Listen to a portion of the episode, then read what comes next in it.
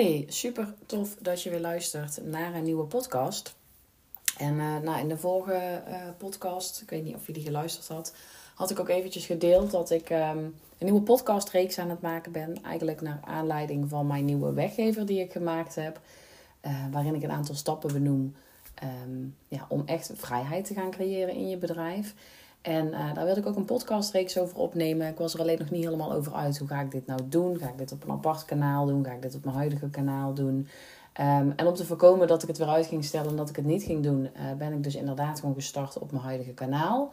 Maar ik heb toch besloten om er een apart account voor aan te maken. Um, omdat ik het heel fijn vind als die 10 stappen gewoon in de juiste volgorde um, achter elkaar staan. Dat ik daar echt een podcast van ga maken. Echt gericht op het creëren van vrijheid in je bedrijf. Eigenlijk een beetje mijn nieuwe missie van, uh, van 2024. Maar in die andere podcast staan nog zo ontzettend veel andere onderwerpen die relevant zijn, die interessant zijn uh, voor mijn volgers, voor mijn luisteraars. Uh, ik heb ook nog heel veel inspiratie over podcasts die ik graag zou op willen nemen. En ik zou het zonde vinden als alles door elkaar gaat lopen. Dus ik heb nu toch besloten om een apart account aan te maken. Die heet Roadmap to Freedom. Um, en op dat account ga ik dus um, al mijn stappen delen, zeg maar, die ik de afgelopen jaren gezet heb. Om zoveel mogelijk vrijheid in mijn bedrijf te creëren. En in die podcast ga ik dan ook vertellen wat vrijheid voor mij uh, betekent. Wat het voor jou kan betekenen. En vooral dus ook je meenemen in de stappen Um, hoe je voor jezelf ook een bedrijf kunt creëren wat je zoveel mogelijk vrijheid uh, oplevert. Dus uh, Roadmap to Freedom heet die. Ik zal hem straks ook even delen. Ik moet even kijken of ik een linkje daarvan um, eventjes in de uh, omschrijving van mijn podcast kan zetten, van mijn huidige podcast. En um, op, deze, op dit account ga ik lekker gewoon verder met alles wat ik met je te delen heb en al mijn inzichten die ik graag met je wil delen. nou, zoals je hoort echt nog steeds niet van mijn hoest af, helaas. Um, maar um, nou houdt me niet meer tegen om, uh, om lekker te gaan podcasten. Dus we gaan lekker starten. En uh, in deze podcast wil ik het met je gaan hebben over um, de reden waarom ik ervoor kies om langzaam te groeien. En ik heb bewust gekozen voor de titel Langzaam groeien. omdat ik het zelf niet per se zo zie dat ik langzaam groei.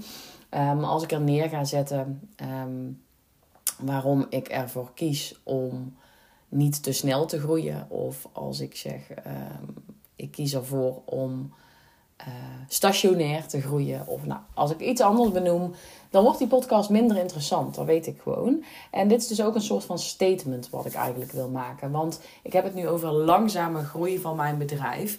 Um, wat, waarmee ik bedoel uh, dat ik nu drie jaar uh, ondernemer ben. en dat ik andere ondernemers zie die vele grotere stappen zetten als ik zelf. Um, ik, ik, jongens, ik ben echt heel slecht in als en dan. Dus vergeef me als ik uh, het verkeerd zeg. Als ik zeg beter als, beter dan. Het is beter dan. Maar op een of andere manier, als ik goed over na ga denken, weet ik dit wel. Maar als ik aan het vertellen ben, dan haal ik ze door elkaar. En ik heb geen zin om me daar heel de tijd druk over te gaan maken. Dus uh, weet dat. Ik kreeg laatst trouwens ook nog een mailtje van iemand die zei dat ik echt beter op mijn datejes en mijn theetjes moet gaan letten. Weet ik ook. Dus als je ooit een mail van me krijgt en je denkt, Bridget, er zitten veel DNT-fouten in, weet ik ook. Um, ik had ook alleen deze mevrouw ook eens teruggemaild. Um, ik weet het. Ik zal er ooit misschien wel eens iets mee gaan doen. Maar als ik kijk hoeveel content dat ik maak op dagelijkse, op wekelijkse, op maandelijkse basis. En als ik dus elke keer alles 100% zou moeten checken of zou moeten laten checken, dan zou het me enorm tegenhouden om, uh, om nog content te maken. En um, nou, zeg maar in the heat of the moment, wanneer ik daar zin in heb, uh, te plaatsen. Dus ik kies er ook heel bewust voor om, uh, om dat niet te doen en mijn verhaal de wereld in te gooien, mijn boodschap de wereld in te gooien. En het gewoon lekker met je te delen, ook al staan er dan een paar uh, DFT-foutjes uh, uh, in.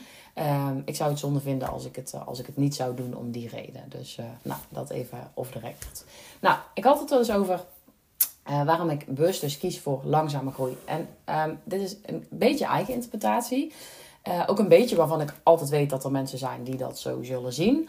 Um, maar het is vooral vanuit mijn eigen gevoel. Dus daar zit bij mij ook iets Um, nou, waar ik zelf nog wel iets op te doen heb, denk ik. Waar een overtuiging die, uh, uh, ja, die ik uit de weg zou mogen ruimen. Nou, het is een overtuiging, dat kan ik eigenlijk wel zeggen, die ik vaak heb, dat ik langzaam groei. Ehm, het is niet een overtuiging die me in de weg staat. Um, tenminste, niet op dagelijkse basis. Niet dat ik daar enorm door word tegengehouden. Het is wel een overtuiging die ik graag nog sneller aan de kant zou willen zetten. Ik zet hem nu elke keer aan de kant, denk ik, dit is helemaal oké. Daarom maak ik deze podcast ook, om te delen dat ik daar helemaal oké mee ben. En dat het dus ook oké is als jij een langzame groeier bent. Um, maar het is wel iets, een overtuiging die vaak opspeelt. En waarbij ik vaak denk van jeetje, waarom zeg ik dit eigenlijk heel de tijd? Want um, ja, als ik het, als ik het gewoon... Um, ja, als die gedachte niet steeds zou komen, zou het me uh, meer helpen om ook um, makkelijker weer stappen te zetten. Het is gewoon een belemmerende overtuiging die bij mij vaak opspeelt.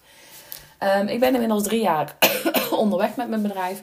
Zoals ik al wel vaker gedeeld heb. Het eerste jaar, het eerste anderhalf jaar eh, heb ik heel weinig uh, verdiend met mijn bedrijf. Eerste jaar überhaupt heel weinig omzet gemaakt. Tweede jaar meer omzet gemaakt, maar heel veel geïnvesteerd. Dus um, nou ja, volgens mij had ik uiteindelijk echt uh, eh, 10.000 euro winst het tweede jaar. Omdat ik uh, bijna net zoveel geïnvesteerd had als dat ik verdiend had. En um, nou, het derde jaar was echt het jaar waarin ik echt uh, kon gaan oogsten, zeg maar. Dus ik had heel veel gezaaid, heel veel content gemaakt, heel veel dingen uitgeprobeerd. Um, echt mijn fundering weer helemaal opnieuw opgebouwd, een nieuwe doelgroep gekozen, um, alles strak getrokken. Dus nou, het was echt een jaar waarin ik alles wat ik van tevoren gezaaid had, kon gaan oogsten. En dat jaar was dus ook het jaar dat mijn bedrijf eigenlijk gewoon heel makkelijk uh, begon te stromen.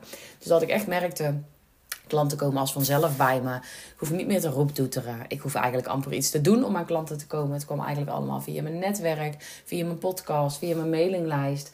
Um, elke keer als ik er een aanbod uitdeed, dan verkocht het ook. Dus toen merkte ik ineens van, hé, hey, wauw, weet je, uh, die jaren die ik geïnvesteerd heb, die beginnen nu ook echt op te leveren. Um, tot nu toe heb ik dus ook elk jaar mijn omzet verdubbeld. Maar dat was voor mij ook niet zo heel moeilijk, omdat ik best laag uh, startte in, uh, in omzet. Tenminste, niet eens in omzet. De omzet was nog best oké. Maar goed, als je dan meer dan de helft weer terug investeert, dan blijft er weinig winst over. Laten we het daar even op houden. Um, als ik nu kijk, want dit noemde ik ook in mijn podcast, die ging over 2023. Als ik er dan over nadenk van, hé, hey, als ik dit op deze manier blijf doen... Um, nou, dan verdien ik over twee, drie jaar gewoon vet goed. Uh, want als ik gewoon elk jaar mijn omzet blijf verdubbelen, nou dan gaat die toch wel best wel lekker. Als ik nu kijk naar de omzet van 2023 en ik ga ervan uit dat ik die dit jaar weer verdubbel, dan is dat een omzet waar ik überhaupt nooit had, van had durven dromen. Dus um, als je het zo bekijkt, is het eigenlijk heel makkelijk en is het niet eens heel erg langzame groei. Maar wat ik om me heen zie en waarmee ik dus uh, jou vooral wil helpen, is dat er eigenlijk een soort van trend is dat je met bepaalde strategieën, met de talen, bepaalde technieken. En soms gaat dit over strategieën, gewoon echt uh, marketingstrategieën. Soms gaat dit over die manifestatie, hype, over als je maar manifesteert en gelooft en visualiseert, dan komt het allemaal naar je toe. Uh, anderen zeggen je moet hiermee aan de slag met een, een klantreis en de sales funnel. En dan kun je gewoon op het strand op Bali op je kont gaan zitten, stroomt het geld naar je toe en ja, komt het allemaal goed. Um, en er wordt eigenlijk een soort van beeld van gecreëerd van als je dit maar doet, en dit noem ik vaker in mijn podcast, hè, dit deel ik ook vaker, als je dit maar doet, nou dan kun je binnen no time um, um, die 100k per jaar draaien, die ton omzet per jaar, die 10k per maand en dan is het allemaal super makkelijk. En um, ik weet ook dat er ondernemers zijn die in het eerste jaar een ton omzet draaien. Um, en hier wil ik ook nog een aparte podcast over opnemen, omdat ik ook wel eens eventjes een, een soort van boekje open wil doen over wat ik dan ook wel terug zie en hoor.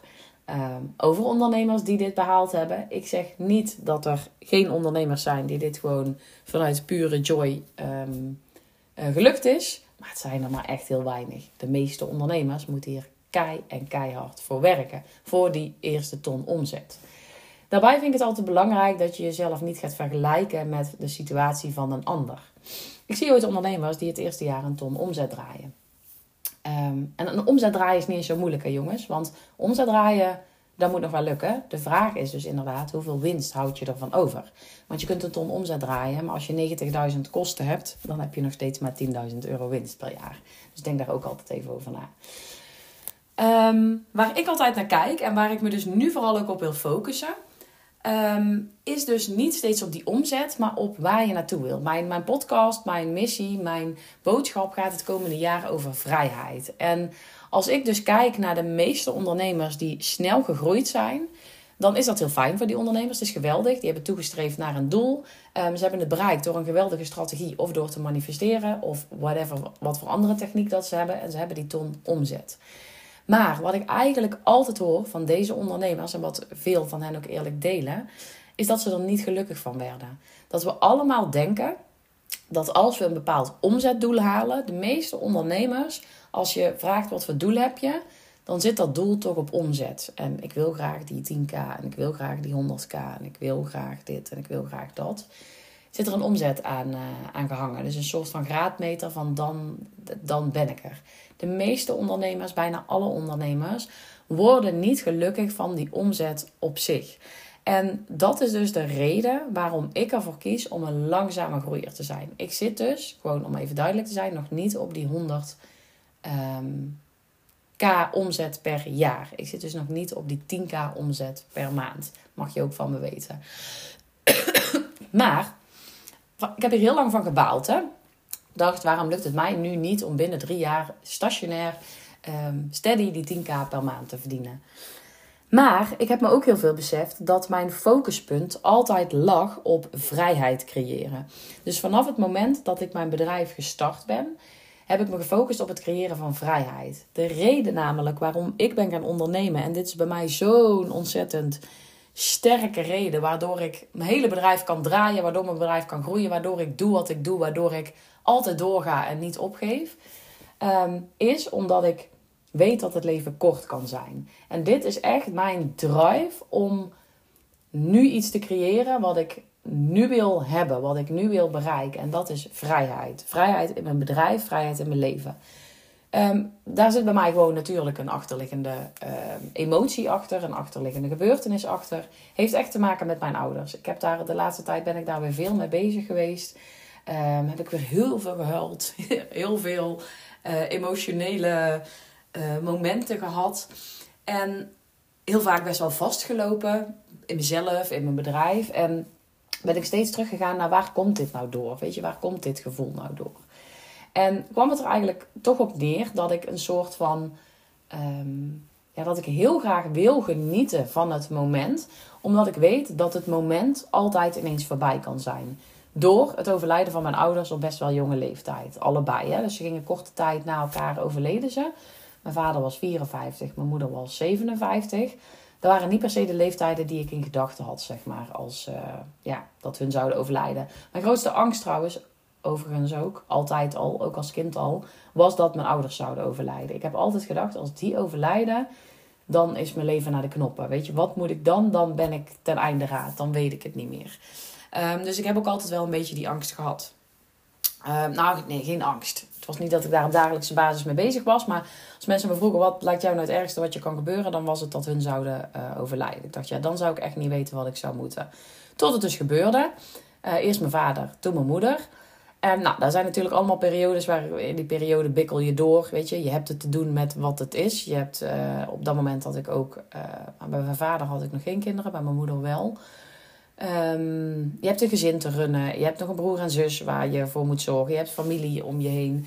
Uh, je moet jezelf overeind houden. Ik, ik had gewoon mijn werk. Dus um, die dingen gebeuren. Het is een super intense, moeilijke periode. Waarin je door hoge, nou geen hoge pieken, vooral door heel veel diepe dalen gaat.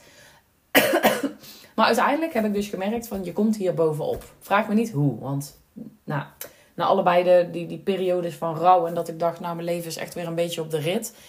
Zakte ik eigenlijk meteen in een diep dal, omdat ik gewoon helemaal back af was van mezelf staande houden, zeg maar. Dus het zijn echt, als ik naar, die, nou, naar de afgelopen jaren kijk, kijk, de laatste jaren gaat het echt wel steeds weer een stuk beter. Maar als ik naar die jaren keek dat ze allebei net overleden waren, het, het was eigenlijk gewoon een bak ellende. Ik heb me daar echt doorheen moeten trekken. Maar het heeft me ook heel veel gebracht. Want ja, het was ellende. Ja, het was shit. Ja, ik had het nooit mee willen maken. Ja, ik heb er heel veel verdriet van gehad. Maar ik heb er ook heel veel van geleerd. Want door te zien dat hun allemaal plannen hadden voor de toekomst. Dat ze nog zoveel dingen wilden doen. En vooral dat ze allebei, nou vooral mijn vader fysiek gezien. Maar allebei keihard gewerkt hebben. Ehm, om te sparen voor later. Dus ze hebben allebei super hard gewerkt, want dan konden ze straks dit, want dan konden ze straks dat. Konden ze eerder met pensioen, konden ze misschien nog een keer op vakantie, konden ze dit, konden ze dat. Altijd maar sparen voor later, keihard werken voor later. Mijn vader die werkte in de bouw, die kreeg echt een flut salaris voor wat hij deed. Die had best wel een, een leidinggevende functie. Um, was echt een van de beste krachten die ze hadden, benoemden ze ook steeds bij het bedrijf. Maar als je keek wat er tegenover stond qua salaris, dan vond ik het eigenlijk om te janken. Ik heb toen één keer, heeft u me verteld wat hij verdiende. En toen was ik zelf 19. En uh, toen verdiende ik op dat moment al meer als hem. En toen dacht ik, dit is echt te triest voor woorden. Ik had ook veel verantwoordelijkheid in mijn baan, maar hij al jarenlang als vaste kracht. was een van de beste krachten die ze hadden. Nou, en het salaris wat er tegenover stond, tegen ook het fysiek zware werk wat hij deed, vond ik echt absurd. Uh, dus daar ben ik toen heel erg van geschrokken. Dat ik dacht, oké, hij werkt hard. Maar ja, hij krijgt er dus ook nog eens gewoon zwaar voor onderbetaald eigenlijk. Maar mijn vader heeft nooit geklaagd. Hij heeft altijd hard gewerkt om zijn centen te verdienen. Die heeft ook altijd daar goed van kunnen leven. Mijn moeder heeft eigenlijk nooit hoeven werken. Ehm, want die was er altijd voor ons. En mijn vader die werkte dus om het gezin draaiende te houden. Dat lukte ook altijd. Ook wel door uh, niet alleen door het te verdienen, maar ook door slim te investeren en geld opzij te zetten en zuinig te leven. Maar dat is eigenlijk precies waar het me nu om gaat. Hij heeft altijd zuinig geleefd, altijd geld aan de kant gezet en altijd hard gewerkt. Dus buiten die 40 uur in loondienst werkte hij vaak nog twee avonden in de week. Hij heeft echt jarenlang twee avonden in de week uh, bijgebeund, om het zo maar te zeggen. In het weekend werkte hij dan vaak nog op zaterdag. Ging hij een hele zaterdag werken om nog extra centjes te verdienen. Zodat we ook gewoon lekker op vakantie konden, op vakantie lekker konden genieten. Maar daarvoor werkte hij dus nog extra uren. Dus die man werkte ja, echt een heel aantal jaren, 60 uur ehm, in de week. En die moest dus keihard werken voor zijn geld. Had hartstikke veel geld op zijn bankrekening staan. En toen ging hij dood. En ja, dat is natuurlijk wat ik me later pas besefte. En wat ik uiteindelijk dus ook meegenomen heb in mijn leven. Toen mijn moeder, weet je wel, nou die, die zat daar dus met haar, uh, ja, met haar geld op de bank. Die kon er alleen niet meer van genieten. Want mijn vader was dood. En niet dat ze dan niet meer van kleine dingen kon genieten of niet van ons kon genieten. Maar het heeft haar zo hard geraakt dat mijn vader overleed. Dat haar levensvreugde toch wel, zeg maar, weg was het, het, trok zo aan, het, het, het, maakte er zo verdrietig, het maakte er zo leeg dat zij dus ehm, ja, niet meer gelukkig was. Zij overleed dus ook vier jaar na mijn vader. Nou, en dan denk ik, nou, gefeliciteerd. Dan heb je dus je leven lang alles gedaan om het goed te doen. Goed te doen voor je kinderen, goed te doen voor later. Keihard werken, dag in dag uit, 60 uur in de week met je werk bezig zijn. En dan ga je dood. En dit is voor mij echt het, het besefpunt geweest, het keerpunt geweest. Toen ik dus op een gegeven moment weer in mijn eigen baan zat. Op een gegeven moment kinderen had. Van hot naar her aan het rennen was. Altijd veel verantwoordelijkheid had. Eigenlijk ook als ik daarheen kijk. Daar we niet echt voor betaald kreeg. Ja, ik kreeg redelijk betaald. Ik kreeg best lekker betaald. Maar ik had ook vet veel verantwoordelijkheid. En ik moest er ook vet veel uren voor werken. Dus... Um, in die end, als ik dus nu kijk naar het ondernemerschap, wat je kunt verdienen in maar een aantal uren in de week of in de maand, denk ik, ja, het was echt belachelijk. Want het kan dus veel anders. maar goed, ik wist niet beter. Uh, maar toen begon ik me wel te beseffen, wat ben ik aan het doen? Ik moest die kinderen drie dagen in de week naar de opvang brengen. Ik stond om kwart over zeven bij de opvang. Ik kon ze s'avonds om kwart voor zeven weer op gaan halen. Kwamen ze thuis, stopten we ze naar bed. En dat was het. En dan zat ik s'avonds back af op de bank. En dat is voor mij de reden geweest dat ik vanaf dat moment besloot: ik ga een eigen bedrijf starten. Maar ik ga meteen voor mezelf werken aan die vrijheid. Ik streef toe naar absolute vrijheid. Vrijheid in mijn leven, vrijheid in mijn bedrijf, rust. En dat is dus ook de reden waarom ik op een gegeven moment niet gekozen heb, maar wel geaccepteerd heb dat ik langzaam groei. Want in het begin heb ik echt wel meer als 20, 30 uur in de week in mijn bedrijf gestopt. Maar vanaf het moment dat ik startte met mijn bedrijf, um, zaten we meteen in die coronacrisis. Dus uh, had ik heel veel mijn kinderen thuis. Uh, of omdat ze ziek waren, of omdat de juf ziek was, of omdat we weer in een lockdown van zes weken zaten. Dus het eerste jaar heb ik echt weken mijn kids thuis gehad, waardoor ik echt absoluut niet veel uren kon werken. Betekende wel dat ik avond en weekenden ging werken. maar dan was ik dus overdag er voor de kinderen. Die vrijheid had, ik, vrijheid had ik toen al wel. Want echt een maand nadat ik uh, mijn baan opzij in loondienst, toen zaten we dus in die lockdown. En toen had ik dus wel meteen al die vrijheid om er te kunnen zijn voor mijn kinderen. En om te kunnen zeggen, ik werk wel s'avonds in plaats van uh, overdag. Dan kan ik er overdag voor mijn kinderen zijn. Ik heb eerst geprobeerd overdag te werken. Maar nou, ik geloof dat Pim 1 of 2 was. En nou het 4 of 5. Nou, dat is niet de meest ideale leeftijd om te zeggen, ik ga even werken. Jullie vermaken je wel even. Dus um, ja, toen heb ik daar al best wel in die zin vrijheid ervaren. Ik heb ook veel stress ervaren, daar niet van. Uh, het lukte me dus ook absoluut nog niet om makkelijk klanten aan te trekken. Mijn bedrijf liep nog niet, ik zat er nog niet lekker in. Dus nee, het was geen relaxed eerste jaar. Maar in principe had ik al wel heel veel vrijheid. Ik hoefde niks, ik moest niks, ik zat nergens meer aan vast. Dus dat was eigenlijk heel fijn. En vanaf dat moment wist ik dus ook, dus vanaf jaar 1 ben ik gaan focussen op hoe kan ik mijn bedrijf zo bouwen dat ik niet meer vastzit. Dat ik niet meer bepaalde uren moet werken. Dat ik niet meer bepaalde dagen moet werken. Dat ik geen weekenden meer hoef te werken. Geen avonden meer hoef te werken. En dat ik vrij kan pakken als het nodig is. Dus als mijn kids straks ziek zijn, wil ik vrij kunnen pakken. Nou, het eerste jaar als ondernemer werkte ik als virtual assistant. Ik dacht, nou, dan kan ik gewoon dagen werken die ik wil. Tijden werken die ik wil. Maar ik merkte toch dat ik daar nog te vast zat. Dat ik toch merkte van hé, die klant heeft een deadline, shit, dit moet morgen af. Oké, mijn kind is ziek, shit, dan moet ik vanavond nog werken. Ik was toch weer in dienst van. Dus ik was toch weer voor die ondernemer mijn grenzen aan het verleggen. Voor die ander uh, deadlines aan het halen. Voor die ander mijn eigen vrijheid op aan het geven. En dat was dus ook het moment dat ik dacht: nee, dit is het dus niet. Het virtual assistant zijn is leuk. En ik geloof nog dat je het dan nog heel erg naar je eigen hand kan zetten. En nog kan zorgen dat je je eigen grenzen aangeeft. Maar je blijft altijd afhankelijk van die ander. Die ander die ziek is, die ander die te laat aanlevert, die ander die ineens een deadline heeft.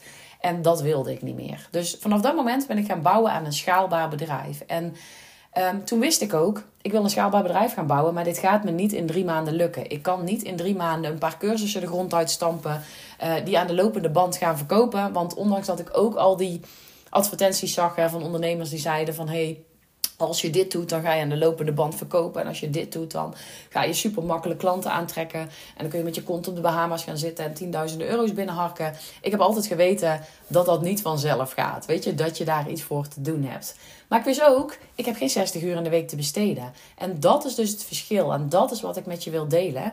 Daarom kies ik er nu voor om een langzame groeier te zijn. Mijn omzet gaat niet zo snel als dat ik die zou willen dat die gaat. Vooral omdat ik nu zie in het ondernemerschap wat er mogelijk is. Ik zie de potentie, ik voel de potentie van mijn bedrijf. Ik zie wat er mogelijk is. Ehm, maar ik kom wel wat uren tekort in de week. Want ik werk dus nu maar zo'n 18 uur in de week. Um, een ondernemer die 60 uur in de week werkt, die kan drie keer zoveel tijd in zijn marketing stoppen. Drie keer zoveel zichtbaar zijn. Um, drie keer zoveel klanten helpen. Drie keer zoveel omzet draaien. En drie keer zoveel dus ook weer terug investeren in zijn bedrijf.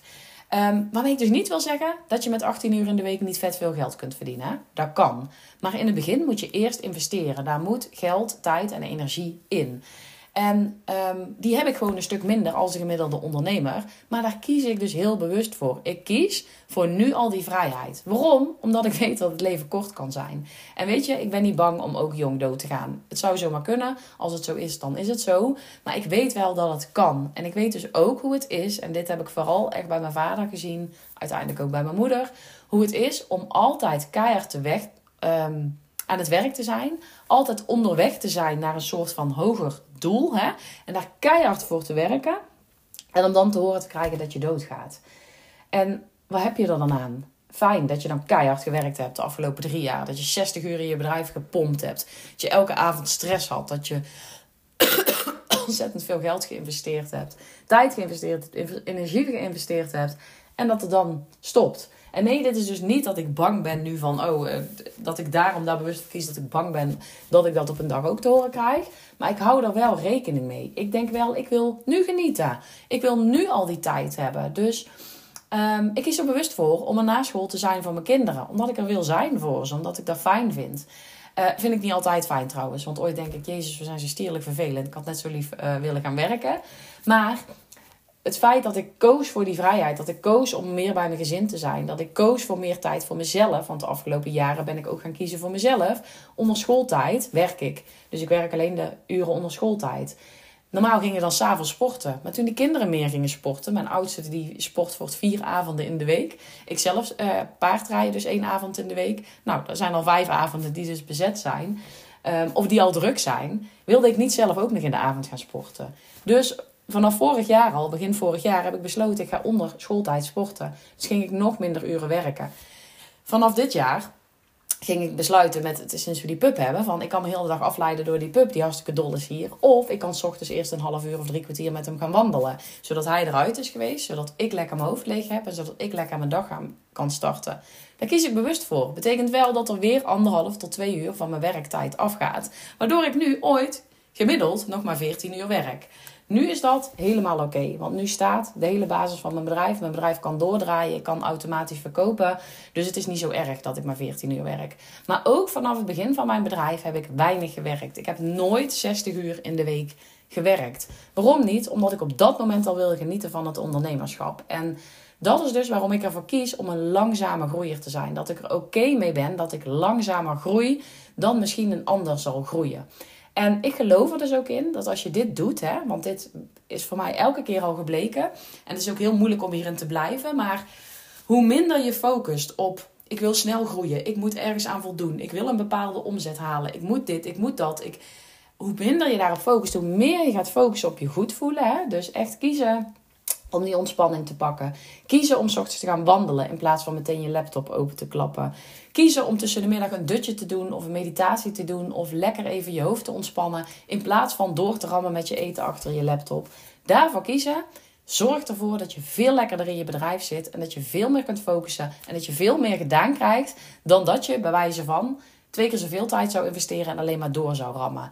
Dus ik zit ook wel, ik vind het moeilijk hoor, want ik heb nog steeds ooit dagen dat ik denk, nou even gas, even meters maken, dan zit ik er lekker in en dan wil ik door. En dan wil ik ook nog wel eens mijn eten aan mijn laptop pakken. Maar in de basis probeer ik echt eerst de dingen te doen waar ik energie van krijg, waar ik blij van word, die goed voor me zijn. En dus te kiezen om nu al die vrijheid te pakken. Dus, ehm, en dit is moeilijk soms, want dat betekent dus dat je ook weet van, ik heb tien dingen die ik deze week wil doen.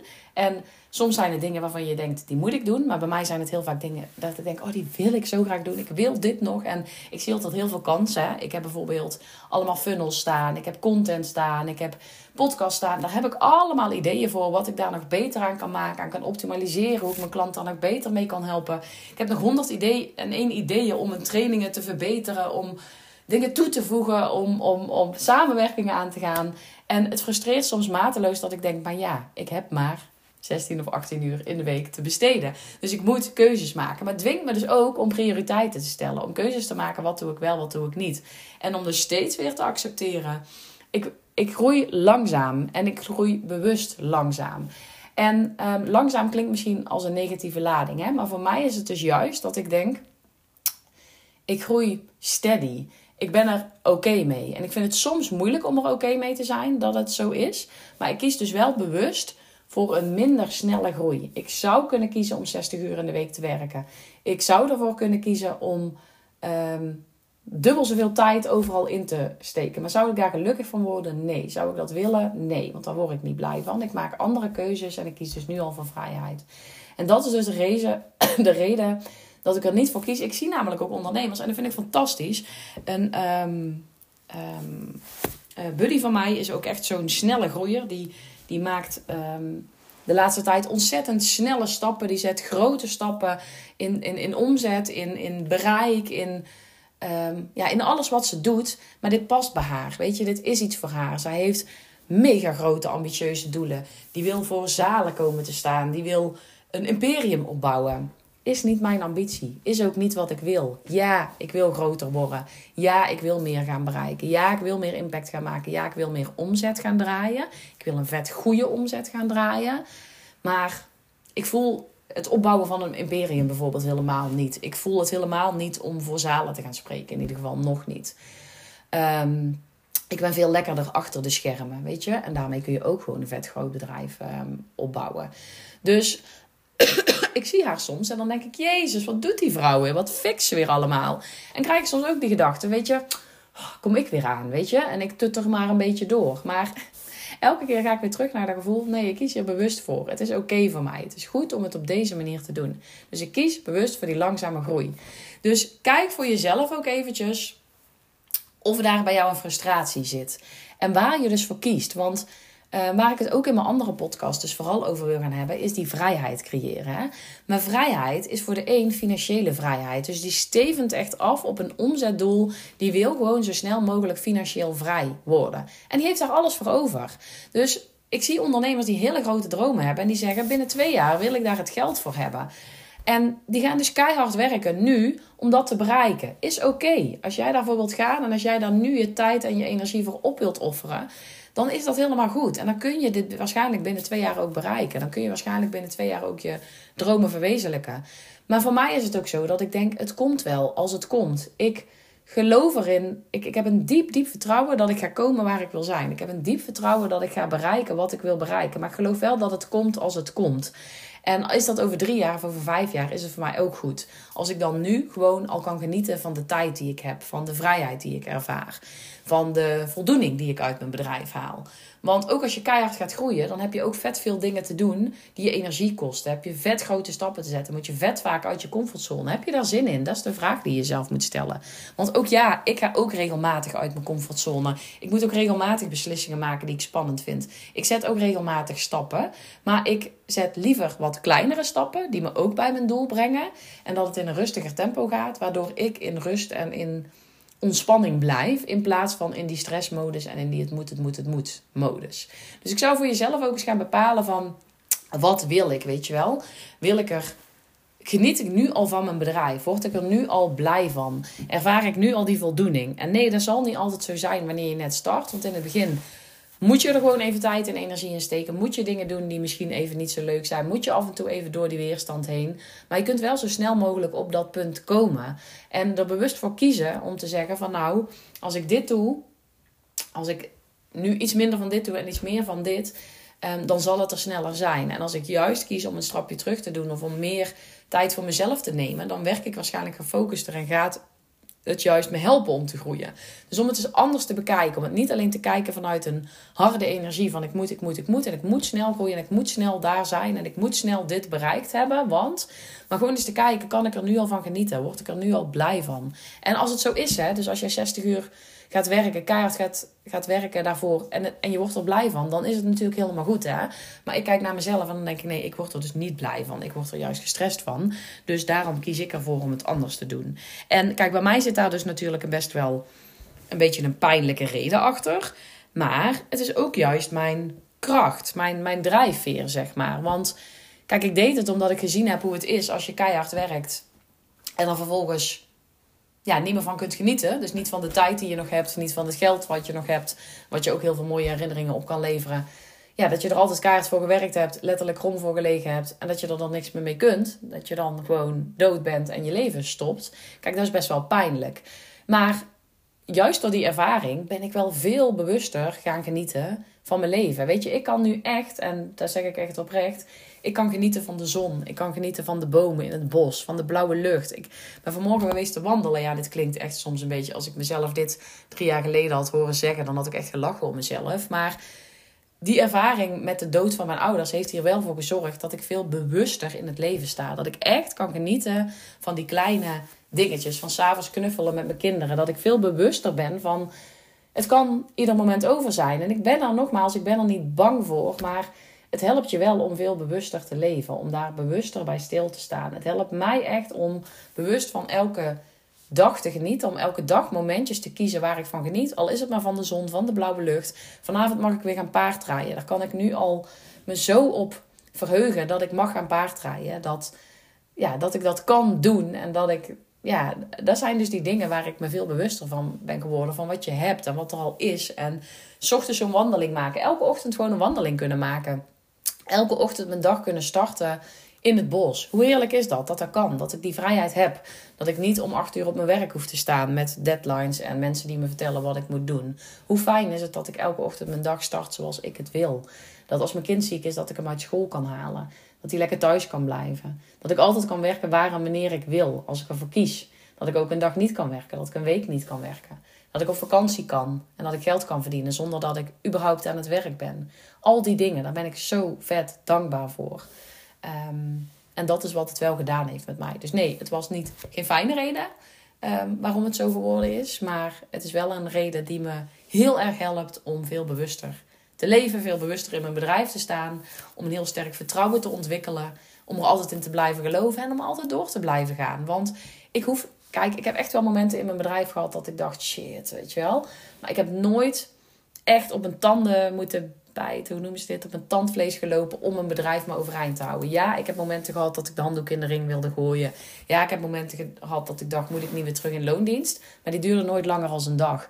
Gewoon omdat ik een diep vertrouwen heb dat ik weet dat het goed komt, dat ik dit kan en dat ik ergens naartoe aan het werken ben.